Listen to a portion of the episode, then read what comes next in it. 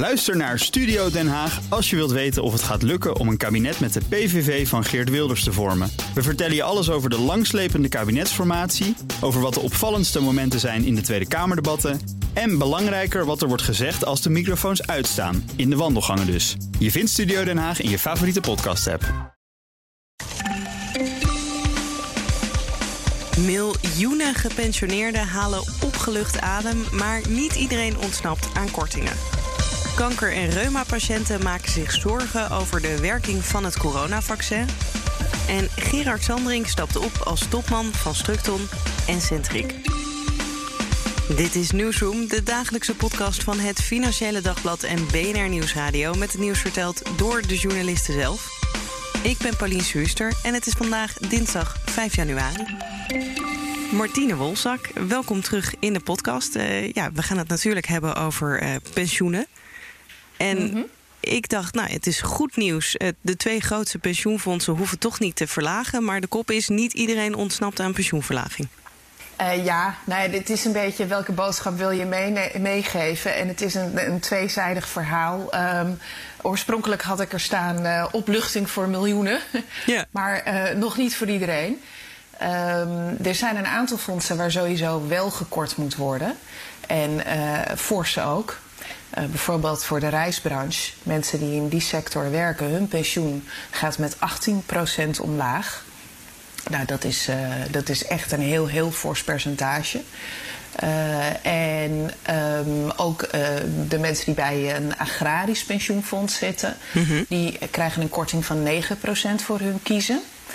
Dat zijn kleinere groepen en daar gaat onze aandacht vaak wat minder naar uit dan de grote pensioenfondsen, hè, ambtenarenpensioenfondsen, ABP en het pensioenfonds Zorg en Welzijn, die de laatste tijd vooral in het nieuws waren, waar miljoenen mensen hun pensioen opbouwen. Uh, maar ja, desondanks, voor de mensen die daar zitten, is het natuurlijk best een hard gelach. En er zijn nog een aantal sectoren waar het nog niet helemaal duidelijk is of er gekort wordt of niet. Uh, bijvoorbeeld uh, de levensmiddelenbranche. En dan uh, moet je bedenken aan supermarktmedewerkers die het afgelopen jaar heel hard gewerkt hebben. Yeah. ook daar is nou, nog spannend of, het, of zij die drempel van 90% gehaald hebben of niet. Um, en in de schoonmaak ziet het er redelijk goed uit die lijken die drempel van 90 te halen. Maar dat is, het is uh, too close to call, uh, zei uh, een van de bestuurders. Ja, dus we moeten gaan wachten op de hertelling. Nou ja, je moet ja. bedenken, zo'n dekkingsgraad, dat klinkt als een heel um, ja, exact percentage. Hè. We, we, weten ze zelfs tot achter de komma. Um, maar die dekkingsgraad die geeft aan hoeveel nou, de beleggingen nu waard zijn van de pensioenfondsen. Mm -hmm. Ten opzichte van uh, wat ze aan pensioenen beloofd hebben aan hun deelnemers. Maar ja, hoeveel hun beleggingen waard zijn, voor een aandeel is dat vrij makkelijk. Kan je op 31 december kijk je gewoon in ja, een Bloomberg terminal ja. of een Reuters terminal of wat dan ook. Wat is de koers en je rekent het uit. Dat is niet, niet heel ingewikkeld. Maar pensioenfondsen beleggen ook in uh, producten die niet zo 1, 2, 3 te waarderen zijn. En daarvoor hebben ze allerlei waarderingsmodellen. Uh, maar dat blijft een benadering van de waarde. In, en niet een, een marktprijs die je zo op kan zoeken. Nee. Uh, dus uh, voor sommige fondsen duurt het iets langer om te kunnen zeggen van nou we denken dat we daar ongeveer op uitkomen. En dan nog kan het ook de komende maanden nog een beetje veranderen. Maar dat zullen geen enorme verschuivingen zijn. Nee. En uh, misschien moeten we het ook even hebben over um, die 90 procent. Uh, want het was uh, zo tot volgens mij begin afgelopen jaar... dat je 104,5 procent moest hebben als dekkingsgraad. En nu lukt het net aan om die 90 wel of niet te redden. Wat ja, is daar de, precies gebeurd? De, de doelpalen worden nog wel eens een beetje verplaatst ja. uh, in uh, dit verhaal. Nee, ik moet zeggen, ik schrijf nu een paar jaar over pensioenen. En ieder jaar moet ik me opnieuw verdiepen in wat zijn nou eigenlijk de regels dit jaar. Die bepalen uh, of er wel of niet gekort wordt. Of, nou ja, als het mee zou zitten, pensioenen verhoogd mogen worden. En ze veranderen voortdurend. In ieder geval in de periode dat ik hierover schrijf. En uh, om een of andere reden lijken ze redelijk samen te vallen met de stand van de dekkingsgraad van met name de grotere pensioenfondsen op dat moment. Het zal toeval zijn, maar ik denk het toch niet helemaal. Uh, nee, dus de, de oorspronkelijke wetgeving uh, was, maar ook die heeft maar een paar jaar gegolden. Dat was dat je een dekkingsgraad moest hebben van 104,5 procent mm-hmm. over een periode van 12 maanden. Dat was het minimum. Ja. En daar mocht je dan wel onderzakken. Maar uh, dan moest je moest er binnen vijf jaar moest, je, moest het goed komen. Ja.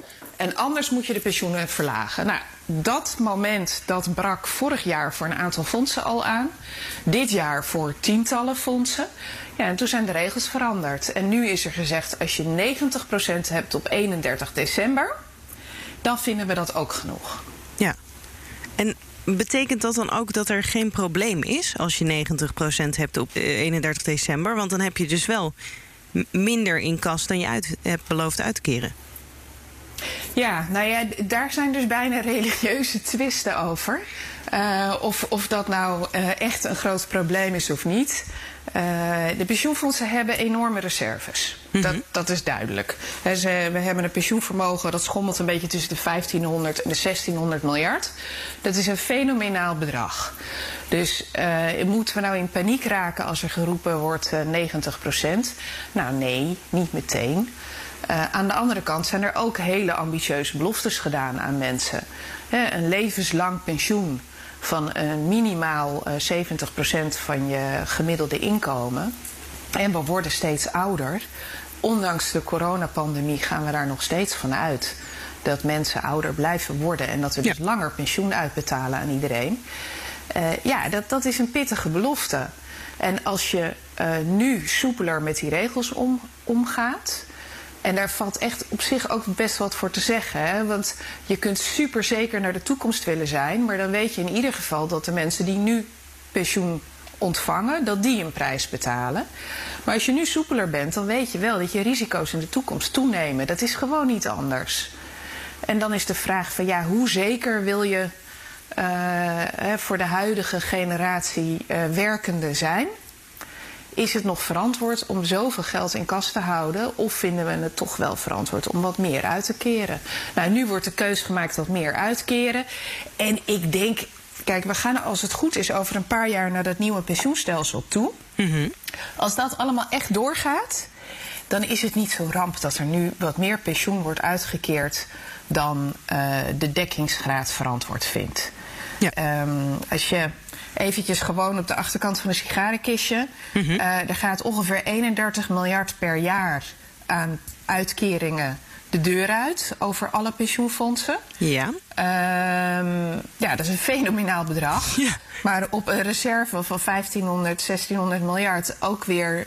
Kan je nog een paar keer mee. doen. Ja. Kan je het nog een paar keer doen. Uh, en als je dat dus niet kort met 10%, ja, wat bespaar je dan? 3 miljard per jaar zou je, tenminste als je kort, dan bespaar je Mhm. 3 miljard per jaar. Ja, is, ga, gaan we daar uh, nou zo ontzettend veel de oorlog mee winnen? Ik denk het niet. Maar als je jarenlang, decennia lang meer uitkeert dan in kas zit, volgens de huidige uh, berekeningen, en tegelijkertijd ook uh, bij de premie minder int dan nodig is voor wat je beloofd hebt, en dat gebeurt ook nog steeds, ja, dan lopen pensioenfondsen eigenlijk aan twee kanten leeg. En de vraag is of je dat over langere termijn vol kan houden. En daar gaat die discussie de hele tijd over. En dat maakt het ook zo moeilijk, want je hebt aan de ene kant de gezondheid op lange termijn. Nou ja, we weten allemaal, lange termijn is echt heel ver weg.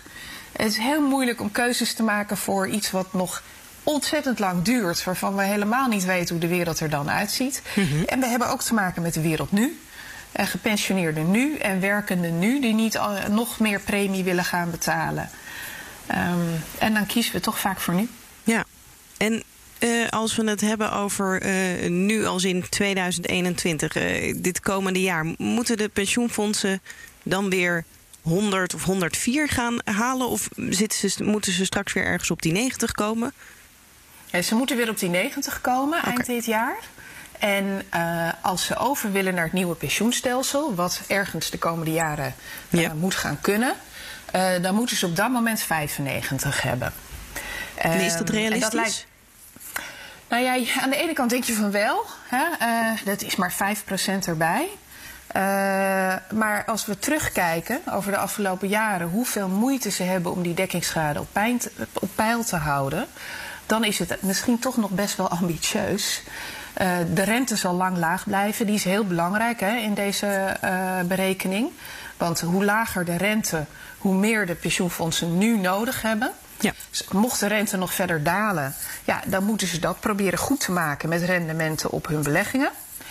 Um, ja, we verwachten allemaal dat het economisch gezien niet top gaat de komende jaren. Dus of dat lukt, dat is denk ik best spannend. En een extra handicap is dat de rekenrentemethode verandert. Uh, die is per 1 januari is er een nieuwe methode uh, ingegaan. En die zorgt er ook voor dat de rekenrente van pensioenfondsen, zelfs al verandert de echte rente in de markt niet, ja. gaat dalen. En dat ah. kost ze nu per januari meteen ongeveer zo'n anderhalf procent van hun dekkingsgraad. Dus die fondsen die nu die 90 op het nippertje gehaald hebben op 31 december, die stonden er op 1 januari meteen alweer onder. Ja, dus ook zij wachten met uh, spanning op uh, dat die vaccins door de hele maatschappij zijn en dat uh, de economie weer een beetje kan gaan draaien. Nou, dat is denk ik uh, voor, ook voor hen heel erg belangrijk. Maar uiteindelijk, ja, dat is natuurlijk voor ons allemaal. Hey, goedemorgen. Hallo Dave. Hallo Paulien, hallo. Jouw kat heeft er zin in, of niet? Ja, ik wou zeggen, die ga ik even de deur uitschoppen. Wacht even. Zo, de kat naar buiten. Zo. Dave Kraaienbink, uh, jij bent journalist bij uh, eh, BNR. We gaan het hebben over zorgen bij uh, kanker- en reuma-patiënten... over het coronavaccin. waar maken ze zich mhm. druk om? Ze maken zich druk om of het vaccin wel voldoende effect heeft. Um, omdat zij medicatie slikken waarvan bij ook andere vaccins, het gewoon het reguliere griepvaccin, al is gebleken dat het minder goed aanslaat. Dus je maakt niet voldoende antistoffen aan. En nou is het natuurlijk met het coronavirus en het coronavaccin juist van belang dat je voldoende antistoffen aanmaakt. En met name uh, mensen met een, met een stoornis aan de afweer of auto-immuunziekte, kanker, reuma, mhm. die maken zich daar erg zorgen over. En ze maken zich dus niet zozeer zorgen over dat het eh, vaccin uh, bijvoorbeeld hun medicatie of iets dergelijks verstoort of hun klachten erger maakt, maar gewoon dat ze niet genoeg beschermd zijn. Precies, dat is het inderdaad, ja. Ja, en, en zijn die. Uh, zorgen gegrond? Ja, die zorgen zijn gegrond. We hebben dat uh, nagevraagd ook bij verschillende uh, artsen en ook bij, uh, bij apothekers. En, en zij slikken afweeronderdrukkers om hun mm -hmm. ontsteking of, of ook mensen die een orgaantransplantatie hebben ondergaan. Daarvan is het belang ook hè, dat, dat die nieuwe organen niet worden afgestoten. Dus je afweersysteem wordt onderdrukt door medicatie. Maar het afweersysteem heb je juist nodig om dat vaccin te herkennen. En dat je lichaam antistoffen gaat maken. Nou, als dat wordt onderdrukt, dan maak je te weinig antistoffen aan en dan werkt het vaccin gewoon minder goed. Ja, en uh, weten we of we daar iets aan kunnen doen? Nou, dat is dus heel, heel moeilijk. Er zou wel veel meer onderzoek nodig zijn. Dat, dat, daar pleit ook de Nederlandse Federatie van Kankerpatiëntenorganisaties eh, pleiten daarvoor. Maar ook artsen uh, die we daarover gesproken hebben, die zeggen van we moeten daar eigenlijk veel meer onderzoek uh, naar doen. En eigenlijk zou je iedere patiëntengroep moeten monitoren op het feit of zij voldoende antistoffen aanmaken. En als dat niet zo is, dan zou je eigenlijk een extra dosis van het vaccin moeten geven. Maar ja, Pauline, je hebt ook gezien ja.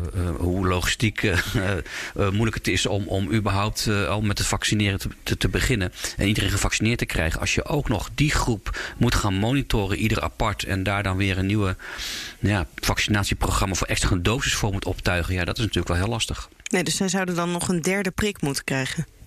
Ja, ja, en, en, en ook goed in de gaten moeten houden van hoe dat met die ontwikkeling van die andere stoffen uh, gaat. Maken zij voldoende aan? En daar zit natuurlijk de zorg ook bij, bij, die, bij die mensen. Ja, daar heb ik straks uh, één of twee doses gehad. Maar weet ik dan of dat voldoende is. Dus ja, wat ook wordt geadviseerd, in ieder geval wel het vaccin te nemen. Want dan maak je in ieder geval alvast antistoffen aan. Ja. Maar ook vooral de omgeving van die mensen, dus familie, die, die mensen hebben die deze medicatie slikken. Uh, Teun van Gelder, een klinisch farmacoloog, die zei het ook heel goed van. Ja, dan moet je maar een beetje afhankelijk zijn van het afweersysteem van je omgeving. Ik denk dat het allerbelangrijkste advies ook is dat vooral de omgeving van deze mensen moet zorgen dat zij gevaccineerd zijn. Dus als je in een gezin woont waarbij een van de gezinsleden dit soort medicijnen gebruikt, dan is het superbelangrijk dat die gezinsleden gevaccineerd worden, omdat daarmee de kans dat iemand besmet raakt uh, belangrijk afneemt. Hè. Dus als je het niet kunt hebben van je eigen afweer, dan moet je het ook een beetje hebben van de afweer van mensen om je heen. Dus vaccineren heel belangrijk, maar ja, toch onduidelijk of het voldoende, of voldoende effect gaat hebben. Ja, en eh, we hebben een idee van hoe groot deze groep is, die mensen bij elkaar? Nou, dat hebben we geprobeerd uh, te achterhalen. Uh, het is niet heel duidelijk. Ik weet wel dat bij het RIVM uh, ehm, kreeg ik te horen dat 1 eh, miljoen mensen in Nederland leven met een auto-immuunziekte. maar hoeveel mensen nou echt die zogenaamde immuunsuppressiva, dus die onderdrukkers van het, van, van het afweersysteem slikken, dat is eigenlijk onbekend. Maar ga er maar vanuit dat het echt een hele grote groep mensen is. Dat het om tienduizenden mensen gaat. Ja, en dat is dan ook, uh, nou ja, voor, voor die mensen is dit natuurlijk uh, vervelend. Maar ook voor ons als maatschappij als zij niet uh, goed beschermd zijn. Want dan komen we ook minder snel bij die groepsimmuniteit. En hebben we meer kwetsbare mensen die nog. ja, zeker. Ja, ja, absoluut. Ja, ja, ja, ja. En ik neem aan dat de vaccins ook allemaal niet getest zijn op dit soort mensen. Dus dat we van die eerste testfases ook niks hierover weten. Nee, daar is dus eigenlijk helemaal geen onderzoek naar gedaan. En daar, en daar pleiten ook verschillende patiëntenorganisaties nu voor. Die zeggen van, doe er alsjeblieft nu wel onderzoek uh, naar en monitor dat ook. Hoe dat, uh, hoe dat gaat en ook wat het effect is op langere termijn van het, uh, van het vaccin. Ook, ook de wisselwerking, hè, medicatie. Die zei net van, werkt die medicatie dan wel, wel mm goed genoeg? Nou, dat, dat lijkt wel zo te zijn. Maar ook daarvan is wel meer onderzoek nodig. Ja. Het is gek eigenlijk dat we nu pas denken van... hé, hey, hoe gaat het eigenlijk bij die groep? Ja, en, en, en, en er is dus een hele grote groep mensen die hiermee te maken hebben. Het is niet zo dat het uh, om een heel klein uh, groep gaat met een zeldzame, 100 mensen ergens. ziekte. Nee. nee, precies. Dus, uh, maar goed, zoals we wel, wel vaker zie in dit hele, hele traject, dat het is, het is een beetje trial and error lijkt het wel. er komen steeds weer nieuwe vragen en, en, en problemen doen me op. Ja, eigenlijk al die mensen die jij hebt gesproken, die zeggen er moet dus meer onderzoek uh, gedaan worden. Mm -hmm. Weten we ook al of mhm. dat er ook daadwerkelijk gaat komen? Nee, voor zover wij hebben kunnen achterhalen, is, zit dat niet in de planning dat het ook daadwerkelijk gaat gebeuren. Nou, hopelijk uh, luistert er iemand naar deze podcast uh, die dat wel kan gaan doen en denkt hij van, nou, misschien moet ik die handschoenen eens oppakken. Ja, zeker. Ja, dat zou mooi zijn. Dankjewel, Dave. Ja, graag gedaan. Moeten we nog heel kort iets schetsen van hoe het gebeurd is? Uh, ja, Gerard Sandering 72 is en dat hij uh, ongeveer twee jaar geleden een, een, nieuwe vriendin gevonden heeft in, in Rian van Rijbroek. En dat hij sindsdien uh, ja, ruzie heeft met, met een groot deel van zijn omgeving en, en die niet meer vertrouwt. En ja, er een hele hoop onrust rondom zijn bedrijven ontstaan is. Ja, nou ja, ik denk dat je dat bij deze nu hebt gezegd. Ja, je bent druk in de analyse van uh, hoe heeft dit allemaal kunnen gebeuren en wat betekent het allemaal en dergelijke. Uh, uh, ja, precies. Nou, en, en, vooral ook wat, ja, welke stappen gaan er precies genomen worden. Daar, ja, daar ben ik wel erg benieuwd naar. Sanderink is nu natuurlijk weg als, als topman bij zowel Centric als, als Oranjewoud. en vooral bij Centric is dat ja, toch wel een verrassing. Want met, met dat bedrijf hield hij zich heel actief bezig de afgelopen tijd. Um, maar wat, wat zijn vertrek precies betekent, uh, uh, ja, is nog de vraag. Want hij is natuurlijk, hij blijft wel groot aandeelhouder in beide bedrijven. Ja, nou, volgens mij zijn we er al uh, in. Ik ga jou introduceren, Stijn van Gils van het Financieel Dagblad. Nou, als je de laatste weken hebt geluisterd naar Nieuwsroom... dan weten mensen wie jij bent en weten ze ook waar we het over hebben. En je, had, je zei het net even al. Gerard Sandring is opgestapt bij Structon ja. en bij Centric. We, weten we al of dit vrijwillig is geweest of niet? Uh, daar wilde ik vanmiddag uh, verder naar gaan kijken. En, en ja, in hoeverre dat je daar echt dan heel duidelijk wat over boven water krijgt, dat, uh, dat weet ik niet. wat ik heb begrepen is dat.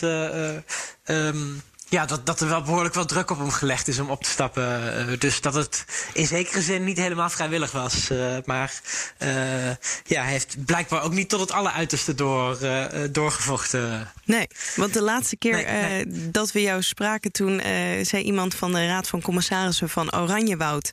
Uh, ja, nu is er toen was er een inval geweest bij Structon. Nu is er toch echt wel ja. een probleem. Uh, nu moet er iets gebeuren. Er worden stappen genomen. En uh, ja. toen kwam gisteren het persbericht dat hij op zou stappen. Is dat een beetje Opstapt als topman, inderdaad. Uh, ja. ja. dat is ongeveer de volgorde die, uh, die er geweest is.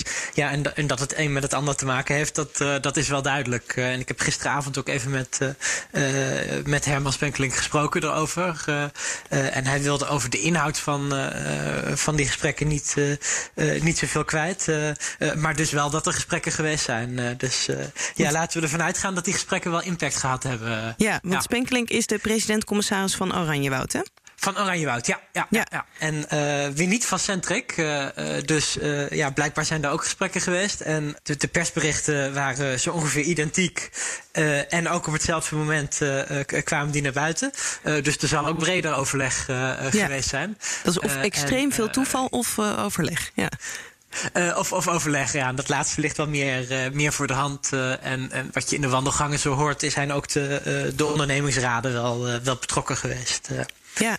De afgelopen tijd, ja. En weten we al, want uh, volgens mij de vorige keer zei je bij uh, Structon had hij nou ergens hoog in de 90 uh, procent van de aandelen. Sandring? Uh, ja, nee, ik heb het uh, nog een keer nagerekend. Uh, want hij, hij koopt ook nog geregeld bij. Ja. en de laatste keer dat ik keek was het 98,7 zoveel procent. En nu is het naar boven afgerond 99 procent geworden. dus hij heeft ja, de facto bijna alle aandelen. Ja, en die heeft van, hij niet ingeleverd. Uh, en die heeft hij, uh, uh, ja, wie, wie weet dat over een paar dagen een bericht komt dat hij weer een hoop verkocht heeft. Maar dat, dat signaal heb ik nog niet dat hij die heeft ingeleverd. Nee. nee. En van Centric heeft hij gewoon 100%. Dus dat, dat is echt alles. Ja. En, en wat betekent het ja. dat dan als je wel alle aandelen hebt, maar of 99% dan maar mm -hmm. opstapt? Uh, ja, dat is de, de, de grote vraag wat dat, uh, wat dat gaat betekenen. Uh, daar heb ik het ook met Herman Spenkelik over gehad. en die zei um, dat het nog niet helemaal duidelijk is in hoeverre dat, uh, dat Sandering straks nog betrokken is uh, bij gesprek over de toekomst van Oranjewoud. met andere woorden, het zou maar zo kunnen dat hij wel betrokken blijft bij, bij dat soort gesprekken. en bij Centric is het zo dat daar heel veel onrust is geweest de afgelopen tijd. En, en het volledige bestuur afgetreden is. en ja, Sandring daar allemaal nieuwe personen heeft, uh, uh, heeft neergezet uh, die hem niet zo tegenspraken op dat moment. En ja, die, die moeten nu de, de, koerswijziging inzetten zonder Sanderenk. en, en ja, ik ben heel benieuwd hoe dat uit gaat pakken. Dat, dat ja. Is, ja, is, is toch echt even koffiedik kijken en afwachten. Um, ik heb nog geen contact gehad met uh, met de woordvoering van, uh, van Centrec. Uh, al wel contact gezocht.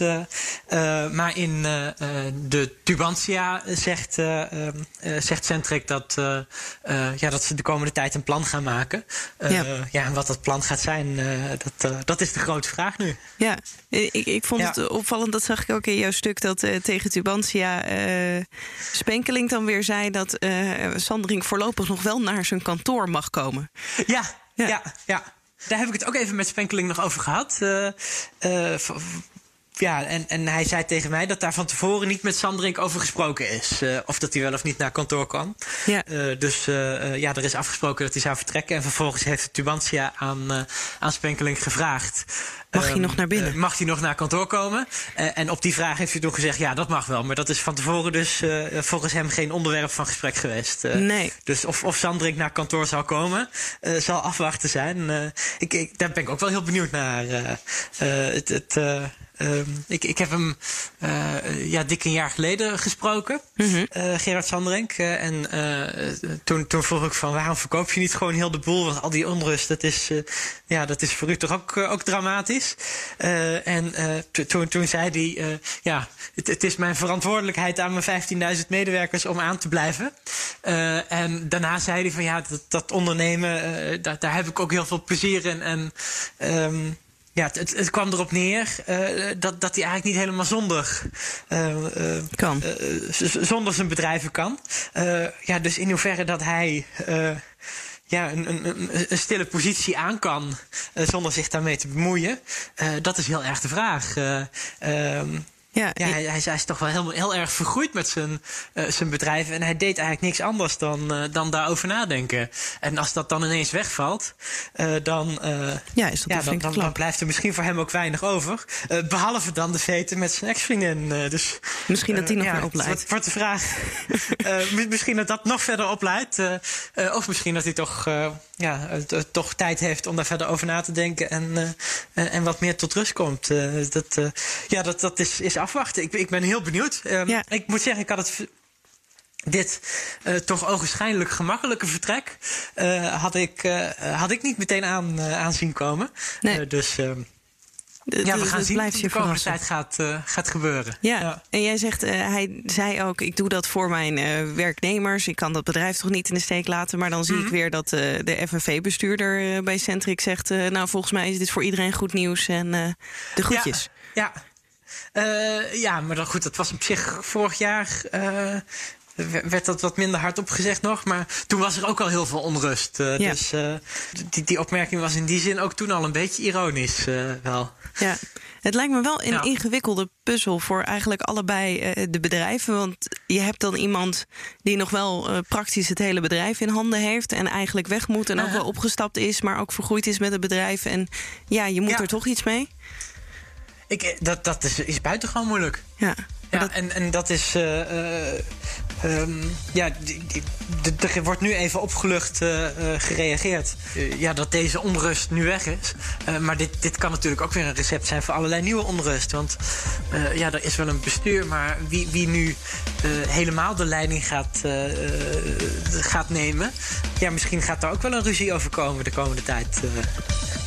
En hiermee zijn we op de voorlopige climax van de soap rondom Gerard Sandrink. En zijn we aan het einde van Newsroom voor vandaag. Abonneren, dat kan in je favoriete podcast-app. De show notes die vind je op bnr.nl slash newsroom. En reageren, dat kan per mail op newsroom.bnr.nl of newsroom.fd.nl. En die komen dan weer terecht bij je vaste presentator Mark Beekhuis. Morgen is hij er weer na een welverdiende vakantie. Dus namens Mark heel graag tot dan.